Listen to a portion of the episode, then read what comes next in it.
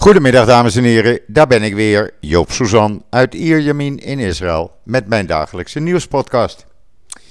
Ja, eerst even over het weer, want gisteren het was bloedje heet. Het was uh, uh, bij mij smiddags rond de 41 graden, maar ik was morgens al vroeg naar het noorden getrokken, naar mijn broer.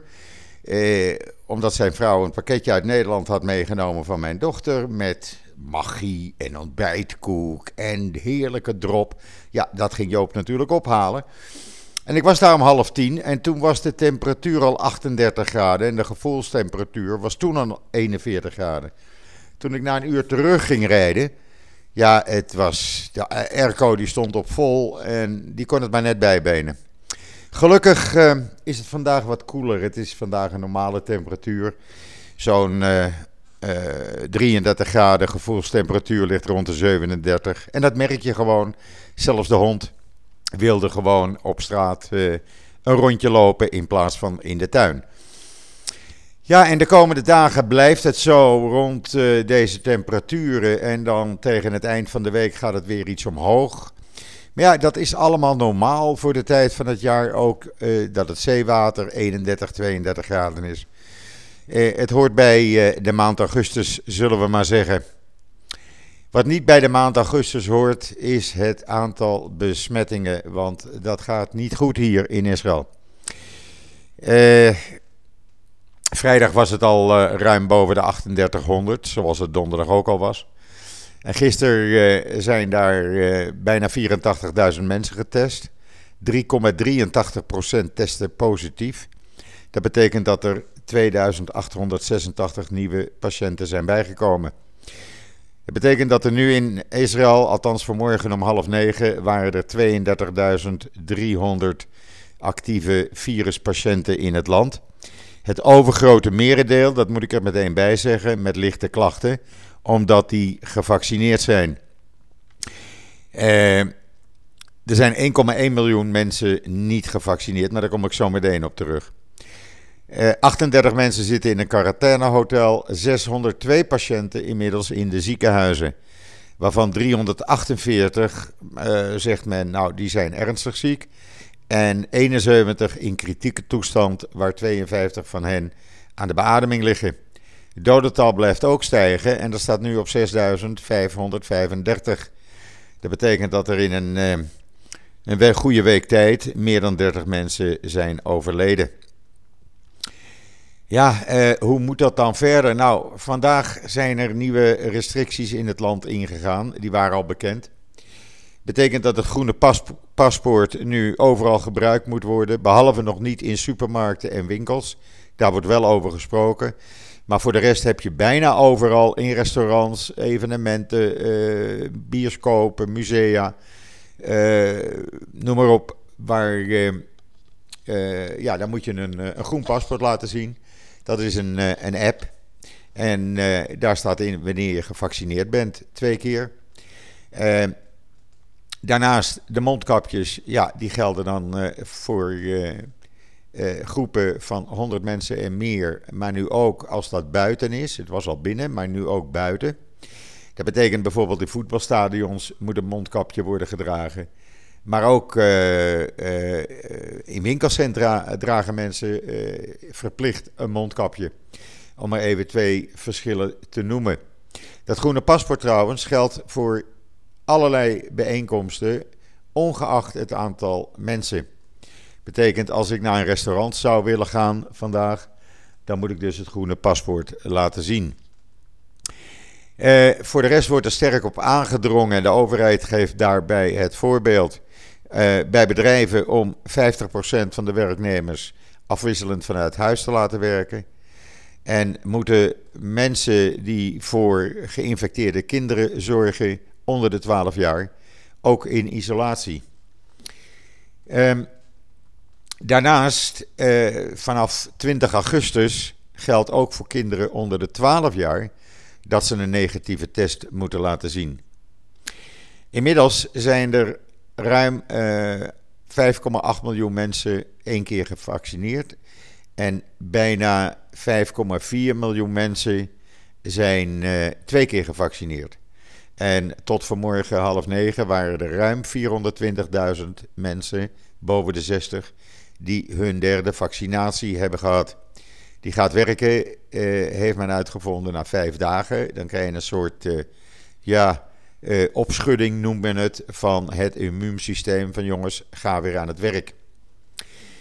Um, ja, en hoe haal je nu die 1,1 miljoen niet gevaccineerden over de streep om zich alsnog te laten vaccineren? Dat is dus een hele goede vraag. Uh, wat mogelijk gaat helpen is dat vanaf vandaag moet je dus voor je test uh, gaan betalen. Er zijn nu 120 uh, eh, snelteststations van het Mogaine de Wiet Adom geopend, de MDE, de Eerste Hulporganisatie. Maar dat kost je toch 14 euro elke keer, 52 shekel. Dus als jij uh, tien keer uh, per week zeg maar een uh, negatieve test nodig hebt, want die sneltesten die zijn maar 24 uur geldig. Ja, dan ben je toch zo'n 140 euro per week kwijt aan testen. Misschien haalt dat een aantal mensen over de streep. En voor de rest, ja, men, men overweegt een loterij met honderdduizenden shekels als hoofdprijs. En tienduizenden shekels als iets mindere uh, prijzen. Er worden allerlei andere zaken bekeken om mensen te bewegen zich te laten vaccineren. Het merendeel van de mensen die niet gevaccineerd zijn, die doen het niet omdat ze erop tegen zijn. Maar gewoon zeggen van nou ja, vind het niet zo belangrijk.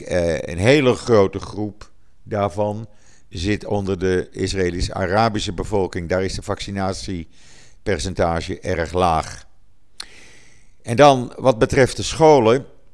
Ja, men gaat uh, kijken om een uh, soort van serologische test te gaan uitvoeren bij kinderen. Om de, kinderen te ontdekken die mogelijk het virus hebben gehad zonder het te weten. En daardoor antilichamen hebben, hoge antilichamenniveaus. Dat zou dus helpen bij de scholen. Maar aan de andere kant is het nog helemaal niet zeker dat die scholen op 1 september open gaan. Het is, eh, laat ik het zo uitleggen. Op 1 september, dat is altijd de datum, ongeacht wat voor dag het is. 1 september gaat, gaan de scholen open, behalve als het op een zaterdag valt. Um, zo dit jaar dus ook. Maar op 6 september gaan ze weer dicht, want dan beginnen de, Joodse feestdagen. Het begint met uh, Joods Nieuwjaar. En acht dagen later Grote Verzoendag. En een week later Sukkot. Dat is een periode waarin ja, veel mensen vrij zijn. Eh, eigenlijk bedrijven op halve kracht werken. Of helemaal niet eh, open zijn. In ieder geval, het is een periode waar ja, economisch zeg maar een lockdown weinig schade zou uitrichten. En je hoort vandaag, en dat was gisteren ook al, uh, op televisie, maar ook op het nieuws en in de kranten, Israëlische kranten voornamelijk, veel geluiden van we gaan richting lockdown. Ook uh, ministers die uh, die richting uitpraten. En ja, eigenlijk met zoveel verkapte woorden zeggen van we gaan in lockdown.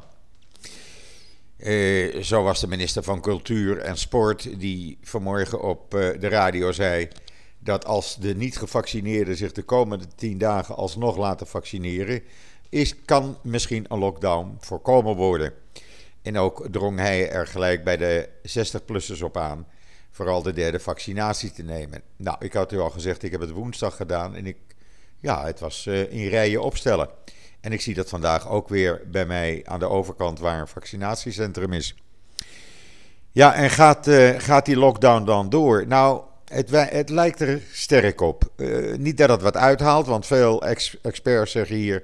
Nou, begin daar helemaal niet aan. Uh, gooi al je energie nou in het laten vaccineren. Daar, daar haal je veel meer uit. Want een lockdown, ja, je gaat 1, 2, 3 weken dicht. Mensen worden gedeprimeerd. je krijgt allerlei nare toestanden. Dan ga je weer open. En dan begint het van voren af aan. Je kan niet van lockdown naar lockdown.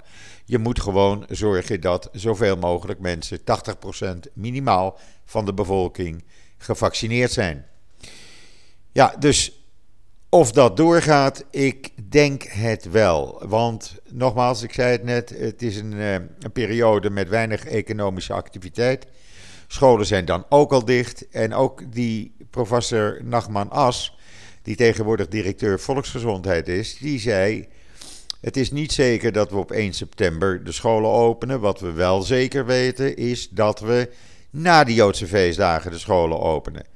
Ja, weer zo'n aanwijzing waaruit je dus eh, zou kunnen distilleren dat we inderdaad naar een lockdown gaan. Ik zit daar echt niet op te wachten. Voor mij hoeft het helemaal niet, want dat betekent dat we weer niet eh, met de familie bij elkaar kunnen zijn en we het weer via Zoom moeten doen. Nou, daar heb ik toch helemaal geen zin in. Uh, dus hopelijk, hopelijk gebeurt er een wonder en gaan we niet in lockdown. Maar hou er maar rekening mee dat het gaat gebeuren. Nou zal het niet zo zijn dat Israël overspoeld wordt uh, met buitenlandse toeristen of buitenlandse familieleden. Want ja, vanaf woensdag moet iedereen die Israël binnenkomt, alle Israëli's, zeven dagen in uh, quarantaine. Dat is een verplichting die woensdag ingaat. Want ze zeggen hier uit alle uh, oranje landen, gele en oranje landen, moet je in quarantaine. Nou, dat zijn de meeste landen. Griekenland, Turkije, Nederland, Frankrijk, uh, noem maar op. Ehm, dus iedereen die binnenkomt, bijna iedereen moet in quarantaine. Buitenlanders komen er nog niet in, helaas. Ehm, mensen doen ja, helemaal en aarde bewegen om hun kinderen en kleinkinderen te mogen bezoeken. Vooral veel Amerikanen, maar ook Europeanen. Uh, maar je komt er niet in. En ja, ik weet niet hoe lang dat nog volgehouden wordt. Ik weet niet hoe lang dat gaat duren. Het is heel raar. Uh, nu zijn uh, ja, overal de Israëli's op vakantie. Zoals ook in het noorden, waar dus dat bombardement van raketten viel. 19 raketten vrijdagmiddag. U heeft het allemaal meegekregen. En anders lees het nog even na en kijk de video's op israelnieuws.nl. 19 raketten van Hezbollah. Nou, Israëli's lieten zich er niet van weerhouden. Die bleven doorvaren met hun rubberbootjes, bleven uh, hiken, uh, bleven zonnebanen bij het meer van Tiberias en in de Banjas, dicht bij de plek waar die raketten neerkwamen. Ja, het hoort bij het leven, zullen we maar zeggen. Inmiddels heeft Israël wel goed teruggeslagen. En Bennett heeft vanmorgen gezegd dat hij Libanon verantwoordelijk houdt. Omdat uh, ja, uh, Libanon is een soevereine staat. En de Libanese regering is dus verantwoordelijkheid verplicht. en die moet dus zorgen dat Hezbollah en die Palestijnse terreurgroepen dit niet kunnen doen. even een slokje water. Wat mooi was, dat op een van die filmpjes op israelnieuws.nl in dat artikel kunt u zien hoe Druzen, een van die Hezbollah-strijders, eh, beetpakte. Uh, hij bestuurde die auto van waar uh, de raketten werden gelanceerd. En in een auto duwde. Nou, de man was niet meer zo heldhaftig. Hij deed het in zijn broek van angst. Letterlijk en figuurlijk. Dus zulke helden zijn het dan. Later uh, hij werd overgedragen aan het Libanese leger. Die hebben hem een paar uur later laten gaan. En hij werd natuurlijk in zijn dorp als held ontvangen. Maar goed, de Druzen zeggen: wij moeten dit niet. Wij uh, willen geen uh, oorlog. Wij willen niet dat er vanuit onze plaatsen raketten op Israël worden afgevuurd. En is er dan nog leuker nieuws? Ja, dat is er. vanaf afgelopen vrijdag kunt u hit en run zien. Dezelfde mensen die achter Fauda, Fauda zitten, uh, hebben deze Israëlische serie gemaakt. Gaat het zien. Ik uh, ben begonnen. Het is reuze spannend. Minstens zo spannend als Fauda. En ja, we hebben weer een gouden medaille. Ik zeg we, ja, want uh, Linoy Asram, die gisteren haar gouden medaille won met ritmische gymnastiek, heeft gezegd: deze gouden medaille is niet alleen van mij, die is voor de hele staat Israël, voor de hele bevolking. Ja, en wat krijg je dan? Dat is dan weer typisch Israël. Uh, zij uh, deed haar act. Ondertussen waren alle televisieploegen in het huis van haar ouders, waar familie, vrienden, uh, grootouders, iedereen zat daar. Totdat de uitslag bekend werd. Ja, en toen konden we dat allemaal live op televisie zien. Hoe in huizen Azram in Rishon LeZion het feest uitbrak.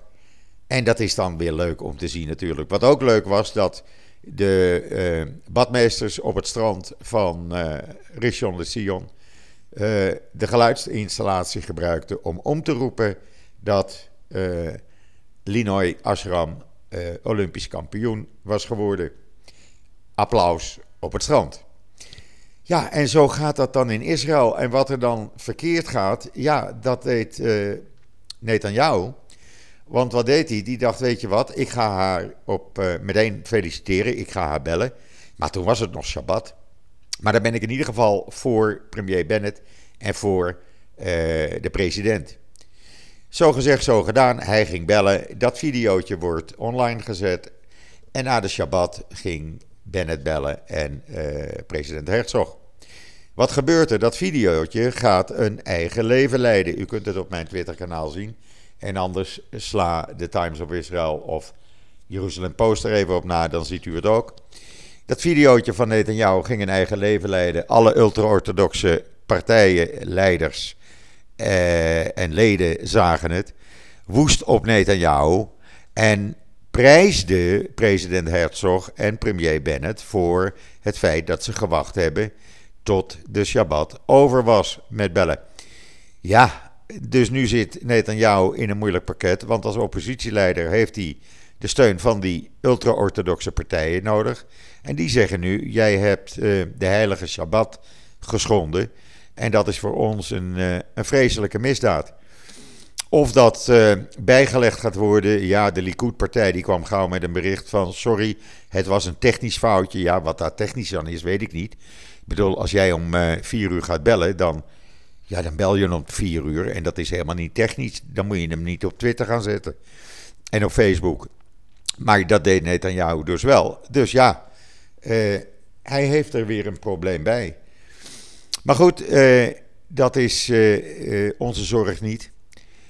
Wij houden ons bezig met andere zaken. En het belangrijkste is dat we dat virus nu een beetje tot staan gaan brengen. Ik moet erbij zeggen, ik heb het al eerder gezegd. Uh, in de vorige lockdowns, de vorige virusgolven, waren wij hier in Israël altijd vier tot zes weken voor op Nederland.